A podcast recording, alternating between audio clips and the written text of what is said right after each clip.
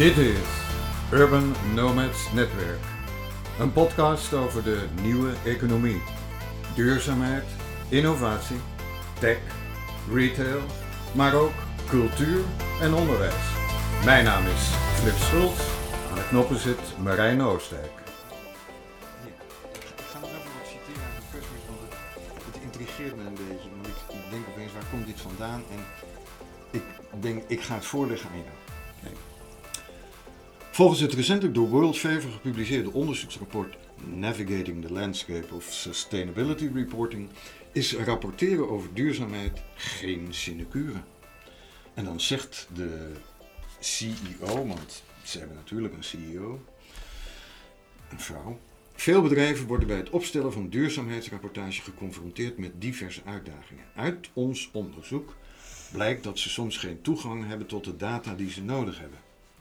In de praktijk blijkt het ook een zeer tijdrovende aangelegenheid om inzicht te verwerven in de impact, risico's en uitstoot van bedrijfsactiviteiten en om gefundeerde beslissingen te nemen. Daarnaast wordt het steeds lastiger om de wet en regelgeving te doorgronden en daaraan te voldoen. Breng het je nou op een idee, zo van, of zeg je van, moi. Nou, ik kan me zeker voorstellen dat het voor heel veel bedrijven een uitdaging is. Probeer maar voor jezelf als, als natuurlijk persoon, als, als privépersoon, jouw eigen CO2-voetafdruk te bepalen. Dan ga je denken over je huis, ga je denken over je auto, ga je denken over je, je vliegreizen die je maakt. Maar er zit natuurlijk zoveel wat je in, je in je leven doet. En je moet achter alles een getal vinden hoeveel CO2 daarachter zit. Nou, dan ga je googlen, dan vind je uitslagen van, uh, van 0 tot uh, extreem veel. En dan moet je kiezen. Nou, het is natuurlijk mooi als daar bedrijven zijn die daar gewoon databases achter hebben zitten. Die zeggen van nou ga hiermee rekenen. Nou, dit is voor jouw type bedrijf of voor jou als persoon uh, de grootste ja, veroorzakers die erachter zitten. Op dat moment krijg je een stuk krijg gefocust terug en kun je het gaan aanpakken. En dan, ik denk dat daar de toegevoegde waarde zit. En ja, uiteindelijk wordt het ook verduurzamen leuker als je gaat werken met, uh, zoals ik het altijd zeg, met groene data. Ja, aan het woord is Nico Bonnet. Welkom Nico. Ja, leuk om hier te zijn. Uh, Nico noemt zichzelf een data-gedreven controller. En dat zou op zichzelf misschien al genoeg reden zijn om hem hier als gast uit te nodigen. Maar Nico heeft ook de website duurzamedatareis.nl in het leven geroepen. En dat is heel bijzonder, omdat hij daarin de 17 Sustainable Development Goals, SDG's zoals we ze afgekort kennen, gekoppeld heeft aan data en datagebruik. Hoe kwam je op het idee, Nico? Nou, ik ben in mijn leven uh, natuurlijk begonnen als, uh, als registercontroller. Uh, daar ook steeds meer met data in aanraking gekomen. Maar uiteindelijk wat ik in mijn, eigen leven zie gebeuren... is dat, dat het eigenlijk steeds belangrijker wordt hoe we met de aarde omgaan. duurzaamheid noemen we dat bij elkaar. en uiteindelijk ja, ben ik op zoek geweest naar van ja, hoe, wat betekent duurzaamheid eigenlijk? En, en dat gaat verder dan, dan milieu, eco, groen...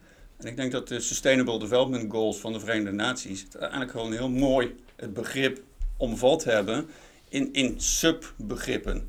Maar aan de andere kant, als je erover gaat spreken met elkaar, wordt het ook gewoon heel duidelijk over welk deel van duurzaamheid je het hebt. En je kunt je ook onderscheiden op ja, een van de 17 of op meerdere van de 17. En ik kan daar een voorbeeld van geven. Ik, heb ook een, uh, ik begeleid ook een start-up, Wood in Amsterdam. En zij gaan echt, ja, zij, zij leveren uh, duurzame houten designproducten. Maar goed, uiteindelijk kom je daar natuurlijk op de vraag: ja, wat is een duurzaam houten designproduct? Uh, en dan kun je zeggen: ja, we kopen alles duurzaam in en we kopen allemaal alleen maar duurzaam hout in. Maar uiteindelijk gaat dat een, een stuk verder in, in de supply chain, in de hele waardeketen. En daar is voor dat bedrijf door, door een aantal hogeschoolstudenten naar gekeken. En die kwamen bijvoorbeeld ook met dit SDG-raamwerk aanzetten. En hebben daar in de keten allerlei elementen uitgemapt tegen waar doen we het heel goed, waar maken we een positieve impact. Ja, en waar zitten we nog slecht, waar maken we een negatieve impact. Als je dat dan presenteert, kun je daar goed met elkaar het gesprek over aangaan. Het communiceert gewoon heel makkelijk. Is dat de reden waarom je op een gegeven moment zelf bent gaan categoriseren in die SDG's? Nou ja, ook voor, voor mijn eigen duurzame inspiratiereis en, en praten over data is al heel erg abstract. En je maakt het voor mensen natuurlijk een stuk toegankelijker. Op het moment dat je er een plaatje aan hangt. We hebben het nu over SDG 3, uh, gezond leven en, en goed leven. Oké, dan goed leven, dat begrijpen we allemaal. Wat had je ook weer over data? Nou, Oké, we, we, gaan naar sensordata kijken, uh, hoe de luchtkwaliteit is. Nou, op dat moment valt het kwartje eerder bij mensen uh, in de communicatie. Nou, ik denk dat dat wel een uh, skill is die ik geleerd heb in het finance domein. Je moet zo min mogelijk in de getallen blijven hangen en zoveel mogelijk in de belevingswereld van je tegenspeler trainen. Als ik op die website kijk, dan wordt me opeens duidelijk dat jij maakt zelf ook die reis hè, langs die 17 Sustainable Development Goals. En die koppel je, elke goal, elk doel, koppel je aan een bedrijf, een voorbeeld in de praktijk. Kan je een paar voorbeelden noemen van SDG's en bedrijven die op korte termijn haalbaar zijn met hun data? Ja, uiteindelijk, kijk, ik kijk zowel vanuit de duurzaamheid als vanuit de data. En, en data is echt overal. Het enige is, je ziet het niet altijd. En je moet soms even goed zoeken uh, om het te vinden. En ik heb, uh, ik heb met diverse bedrijven gesproken. En, en als ik bijvoorbeeld één, één uitneem, is, uh, is Madaster. Nou, dat klinkt als kadaster. Nou, Ja. Kadaster kennen we bijna allemaal. Uh, maar Madaster gaat juist over materialen die in gebouwen gebruikt worden. Die ze een identiteit geven door middel van een materialenpaspoort. Nou, waarom is dat nou zo van belang? Nou, uiteindelijk, de grondleggers achter, uh, achter Madaster, die zeiden van ja, kijk, we hebben heel veel afval uh, als we bedrijven of als we panden slopen. Maar dat komt eigenlijk omdat dat afval, dat zijn materialen die geen identiteit hebben. Want hadden we ze nou wel een identiteit gegeven, dan hadden we geweten dat het er was. En dan was er misschien wel iemand gekomen die het nodig gehad had. Dan hadden we het niet weg hoeven gooien. En dat is een, uiteindelijk een circulair doel dat we met elkaar kunnen nastreven. Als we alle gebouwen die we vanaf vandaag bouwen, netjes alles vastleggen wat er ingegaan is.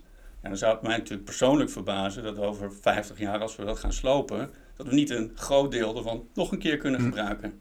Maar als we het niet vastleggen, ja, dan is het ook voor te stellen dat het allemaal, ja, of grotendeels, op een grote sloopafvalberg terechtkomt. Nou, als je dus dit wil omdenken, moet je er ooit mee beginnen om het vast te leggen. Nou, en daar zijn we dat initiatief genomen. Ja, gewoon fantastisch om dan met zo'n partij te spreken en hun verhaal ook als onderdeel van mijn reis te mogen vertellen. Dat is Madaster. Je bent ook geweest bij Embato. Betaalbare en duurzame energie. Wat is daar het verhaal? Nou, we met elkaar een energietransitie. Natuurlijk het klimaatakkoord uh, in Nederland uh, onszelf aangemeten waar CO2-reductie belangrijk is. Daar zoeken we naar, uh, naar een andere manier hoe, we, hoe we de energie gaan opwekken met elkaar. Er zit wel een transitieplan achter. En bedrijven en, en overheidsinstellingen worstelen daarmee hoe ze dat moeten doen. Iedereen wil wel vooruit, maar hoe kom je nu vooruit? Nou, wat Embato is, is een, van een technisch uh, adviesbureau die gespecialiseerd is in, in energietransitie. En het mooie wat ik aan hun aanpak vind, is dat zij eigenlijk altijd beginnen met het uitlezen van de slimme energiemeter. Zij maken eerst uiteindelijk gewoon de blauwdruk van je bedrijf vanuit je data. Oké, hoeveel gebruik je dan? Wanneer gebruik je het in de dag? En kunnen daarmee eigenlijk al redelijk voorspellen wat, je, wat jij doet en waar jouw bespaarmogelijkheden liggen. Ja, of waar juist uh, de toegevoegde waarde ligt om zonnepanelen op het dak te leggen of een warmtepomp neer te zetten. En wat, wat de daadwerkelijke impact gaat worden. En kun je dan ook begeleiden bij de business case die daarachter zit. Want uiteindelijk moet geld geïnvesteerd worden. Mhm. Mm -hmm. En veel mensen willen dan toch weten van ja oké, okay, maar levert dat geld op en op welke termijn levert dat geld op? Um, ja, moeten we daar subsidies bij halen? Nou goed, en in die zin kunnen zij bedrijven daar dan op adviseren. En, en het mooie vind ik dat dat nogmaals komt vanuit de data. Um, ze, ze, deelden ook een, een hele mooie casus uh, met mij. En dat was uiteindelijk een, uh, een, een melkveehouderij. Ja, goed, grote daken eh, bovenop de schuur. Dus ja, die boer die kwam uh, naar ze toe en die zei: Oké, okay, ik wil, wil zonnepanelen neerleggen. Nou, toen hebben ze dat ook uitgelezen. Nou, in principe leg je zonnepanelen op het zuiden. Dan hebben ze het meeste rendement. Mm -hmm. Alleen het bleek dat bij die boer juist in de ochtend was hij aan het melken. Vroeg in de ochtend. En juist eind van de dag was hij aan het melken. Dat zijn juist de momenten waarop het zuiden, hè, dan is de zon daar niet. Nee. Die moet je juist de zonnepanelen op de andere kant leggen om op dat moment je energie op te wekken.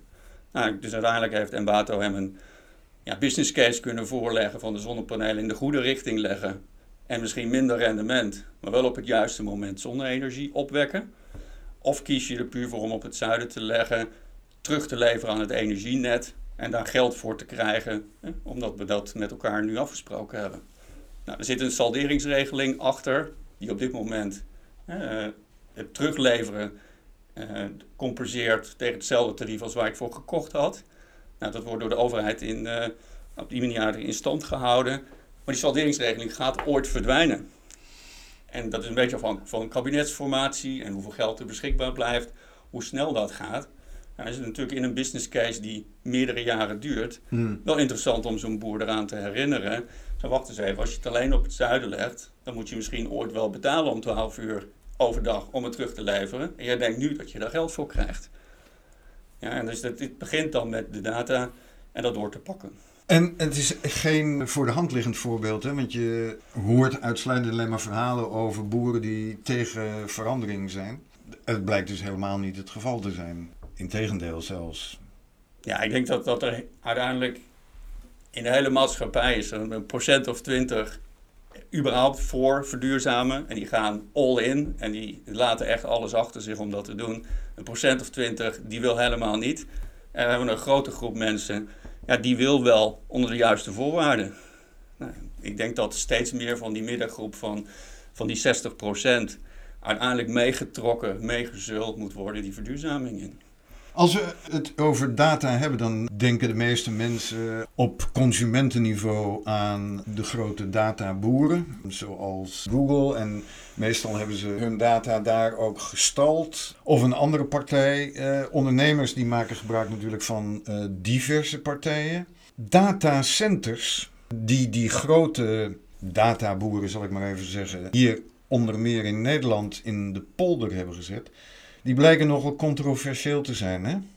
Wat betreft de toegevoegde waarde voor de omgeving. De omgeving krijgt niets terug. In eh, Noord-Holland, in de gemeente Hollands Kroon, speelt op het ogenblik zo'n kwestie. Wat is jouw mening daarover, over de manier waarop datacenters en de eigenaren daarvan omgaan met deze materie? Nee, dus voor mij sowieso, data is, is niet iets vies of niet iets slechts. Dus op zich, in de basis is het goed. Data, digitalisering, het, brengt ons heel veel als, eh, als maatschappij. Eh, wat een aantal jaar geleden gebeurd is, is, dat het begrip de cloud eh, binnengekomen is. En die maakt het uiteindelijk heel erg makkelijk om data op te slaan. En zoals het zegt in de cloud, we hebben allemaal niet meer het idee waar het is. Hè, waar ik opgegroeid ben, dat het op een floppy disk stond of op een harde schijf, op een USB-stick. Dan ontstaat, er is een hele generatie aan het opgroeien, die kent die dingen niet meer. Die heeft ook geen idee waar het save-icoon vandaan komt. Hè. Ik weet dat dat een floppy is, maar mijn kinderen zouden niet weten hoe dat komt. Ehm, en juist dat oneindigheid van de cloud, dat maakt het ook dat het zo makkelijk die data allemaal aan het opslaan zijn en aan het gebruiken zijn.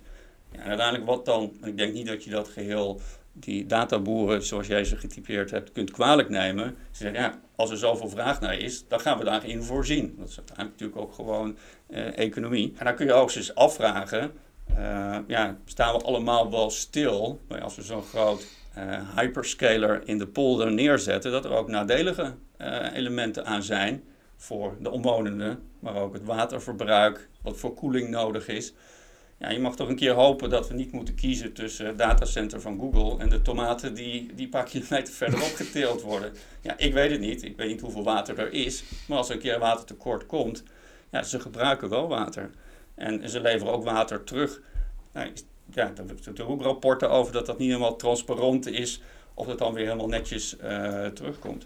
En wat mij persoonlijk daaraan eigenlijk mis in de hele discussies, want die, dat lees ik heel vaak, is dat, Hmm. Dat eigenlijk 99,5% van de data die we opslaan, die wordt nooit gebruikt. Dus als je, als je het in die context gaat zetten, en, en niet dat dat het, de gehele footprint van zo'n uh, datacenter verklaart, ja, is, is, hebben we nou al die capaciteit wel nodig?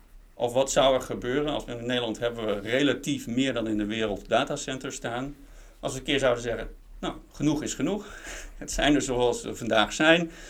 En de industrie is slim genoeg om met de beperkingen om te leren gaan. Om die capaciteit die ze hebben te innoveren, te innoveren, te innoveren. En in te zetten hè, met het energieverbruik wat we hebben. Op het moment van maximum. En uh, we gaan er gewoon voor. En denk dat er nog net zoveel plezier voor de gebruiker uitkomt.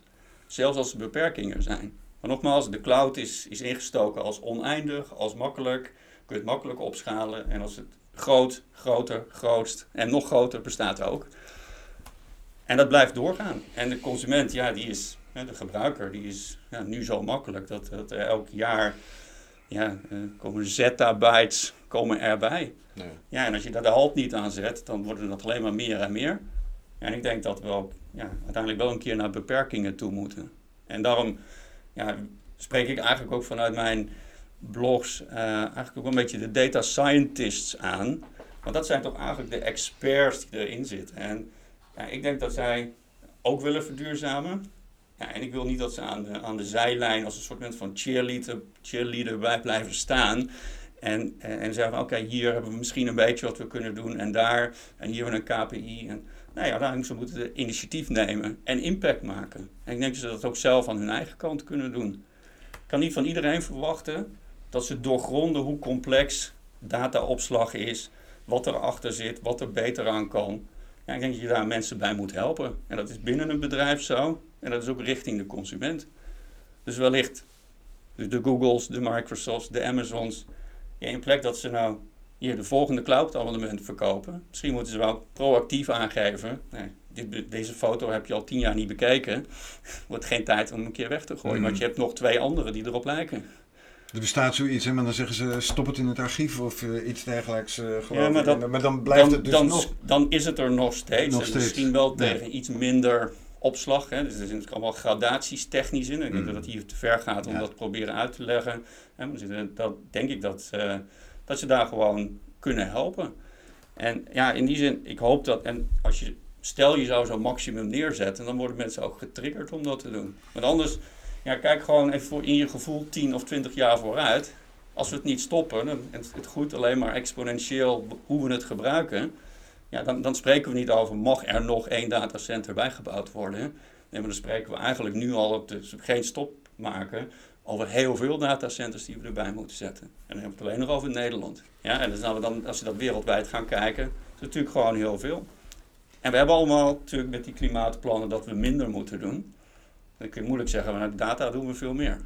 We hebben iets aan het bewustzijn daarvan gedaan en hopelijk neemt de politiek uh, dat bijvoorbeeld ook uh, ter harte. We hebben niet de illusie dat Microsoft en Google uh, hier zich iets van aan zullen gaan trekken. Alhoewel, als we het nou even omdraaien en we kijken naar de start-ups en de scale-ups, die we toch tot onze luisteraars mogen rekenen. Hoe kunnen zij nou gebruik maken van data met een goed geweten, zal ik maar even eh, om het zo uit te drukken.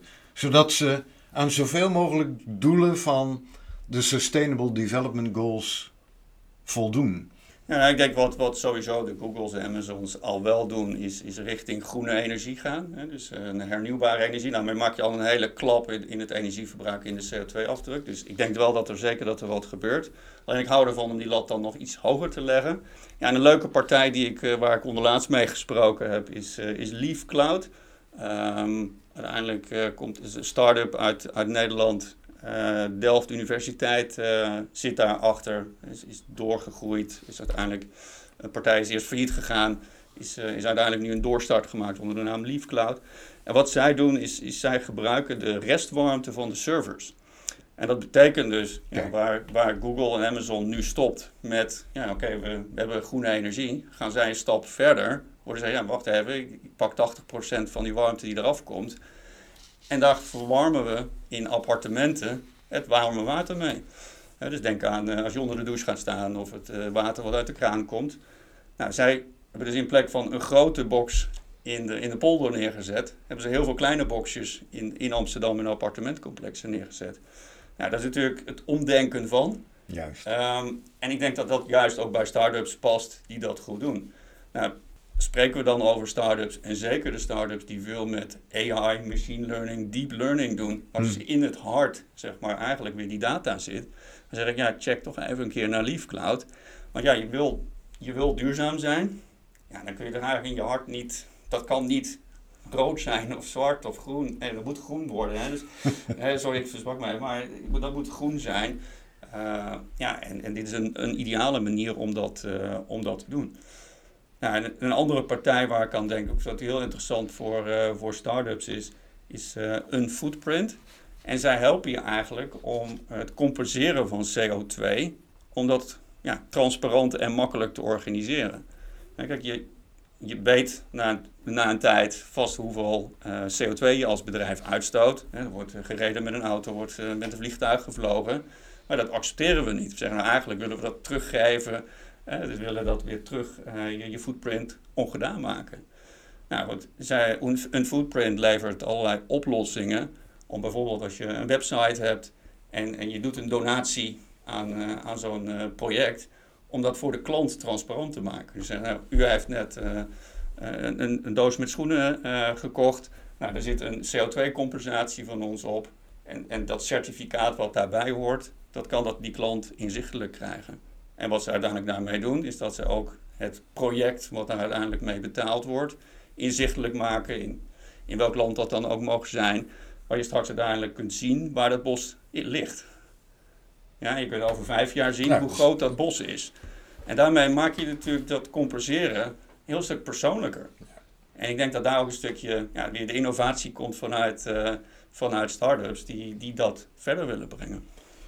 LeafCloud, Unfootprint, die verhalen over die bedrijven, die zijn ook te vinden op duurzame datareis, neem ik aan?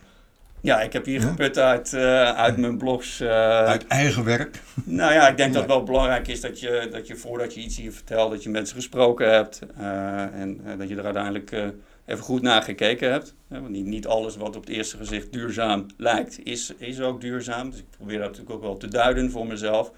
en een inkijkje te, kijken, te krijgen in, een, in het bedrijf.